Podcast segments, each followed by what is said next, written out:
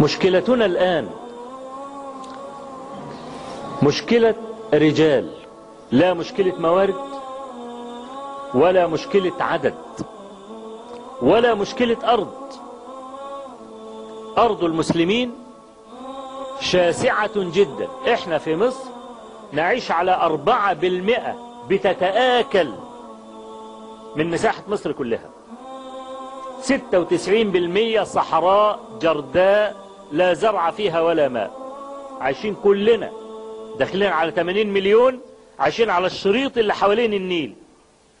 وبعض المزارع الموجودة في الصحراء. يعني مصر لوحدها لو كل البلاد العربية سكنت في مصر هيبقى فيه أرض براح. ناهيك عن البلاد اللي فيها صحراء شاسعة زي السعودية وزي ليبيا وزي الجزائر. عندهاش أي مشكلة. لا في موارد ولا في مال ولا في رجال ولا في عدد. مشكلتنا النوع النوع. يمكن أنتوا سمعتوا في الأيام الماضية عن قانون الطفل الذي عرض على مجلس الشعب. قانون الطفل ده ده تتمة المنظومة الانهزامية. المنظومة اللي هي تخرج أقزاما ما تخرجش رجال أبدا. قانون الطفل ده باختصار. لو أن رجلا أراد أن يؤدب ولده العاصي اللي هو عمل شيء يخل بالمروءة أو بالأمانة أو عصى والده وضربه والده في عقوبة مترتبة على أن الوالد يضرب ابنه. ومش كده بس ولو رآه رجل فترك التبليغ عنه عليه عقوبة هو كمان. يعني أنا أضرب ابني ومرت دورية شرطة ياخدوني على طول حبس. ولو واحد شايفني بضرب ابني وما بلغش فيا يدخل السجن وكمان ادي قانون الطفل. طبعا هذا القانون قانون أمريكي معروف. هناك في أمريكا يمنعون ضرب الأطفال منعا باتا. الولد بيطلع متفلت. يطلع حر. إحنا النهاردة وإحنا ناس فلاحين. لما بتزرع شجرة قدام البيت عندك ما بتجيبش شجرة تخن كده. هو عبارة عن عود. أنت لما بتغرس العود قدام الدار بتسيب العود؟ ولا بتشده بحبل؟ بتشده بحبل. لأنك أنت لو تركته كما هو هيطلع شجرة انت مش عايز شكلها مش عايزها. هيطلع عاملة كده. انت عايز تخليها عاملة كده أو عاملة كده أو رايحة الناحية التانية على حسب الحبل وشد الحبل بتاعه شيء طبيعي. لما يكون ولد صغير في السن لا يعرف شيئا من المكرمات ولا يعرف شيئا من الأخلاق الأب بيقومه. كما قالت العرب قديما وينشأ ناشئ الفتيان منا على ما كان عوده أبوه. مكارم الأخلاق والكلام ده بتؤخذ من الأب وتؤخذ من الأم.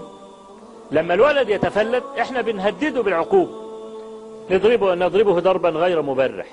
مش ضرب انتقام ولا ضرب شديد. أهو نخوف الولد. هناك في أمريكا ممنوع ضرب الأولاد ابدا. حتى إن معروف بلادهم برد جدا في الشتاء. آه لما ال الولد الصبح يروح المدرسة بتكون خدوده حمراء حمراء من البرد. تقوم المدرسة تقعد تقرر الولد. خدودك حمراء ليه؟ طب مين ضربك عليها؟ وتقعد تقرره وتستفزه. والولد ده صغير يعني ممكن يقول كلام ما حصلش. طب أمك ضربتك؟ طب أختك ضربتك؟ الكلام ده. لو اكتشفوا إن الولد ده ضربوا أي حد على طول تحت المساءلة. يطلع الولد منفلت العيار. لا تحكمه قيمة ولا يحكمه دين ولا الكلام ده. هو ده الضغط القائم على ديار المسلمين الآن. النهاردة المنظومة دي بدأت منذ سنوات لما منع المدرس من معاقبة التلميذ. إيه اللي حصل في المدارس عندنا؟ لا تربية ولا تعليم. أهو النهاردة الامتحانات قائمة النهاردة. المدرسة في في بعض المدارس الأسبوع الماضي لقت بنت بتغش من الكتاب. خدت الكتاب دخل الراجل مشرف الطرقة هزق المدرسة قدام التلامذة آه طبعا. يسقط ليه؟ هيمشي.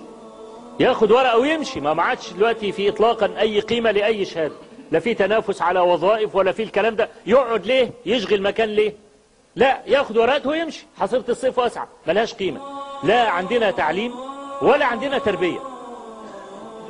وأصبح المدرس ينافق التلميذ الآن. ليه؟ لأن البنية الاجتماعية اتغيرت تماما. بقى الولد أبوه ممكن يكون معاه فلوس أبوه ممكن يكون سافر بره بيبعت له. الولد بيشيل محمول ب 4000 5000 والمدرس ممكن ما يكونش عارف يدفع ثمن تليفون أرضي. عايز يدفع 700 800 جنيه ما عندوش 700 800 جنيه. عشان يبقى عنده تليفون أرضي. وشايف التلميذ كل يوم يغير محمول ب 3 4000 جنيه. أطفال أو ولا أولاد راكبين سيارات والمدرس بيركب عجلة. حصل نوع من انهيار المنظومة الاجتماعية.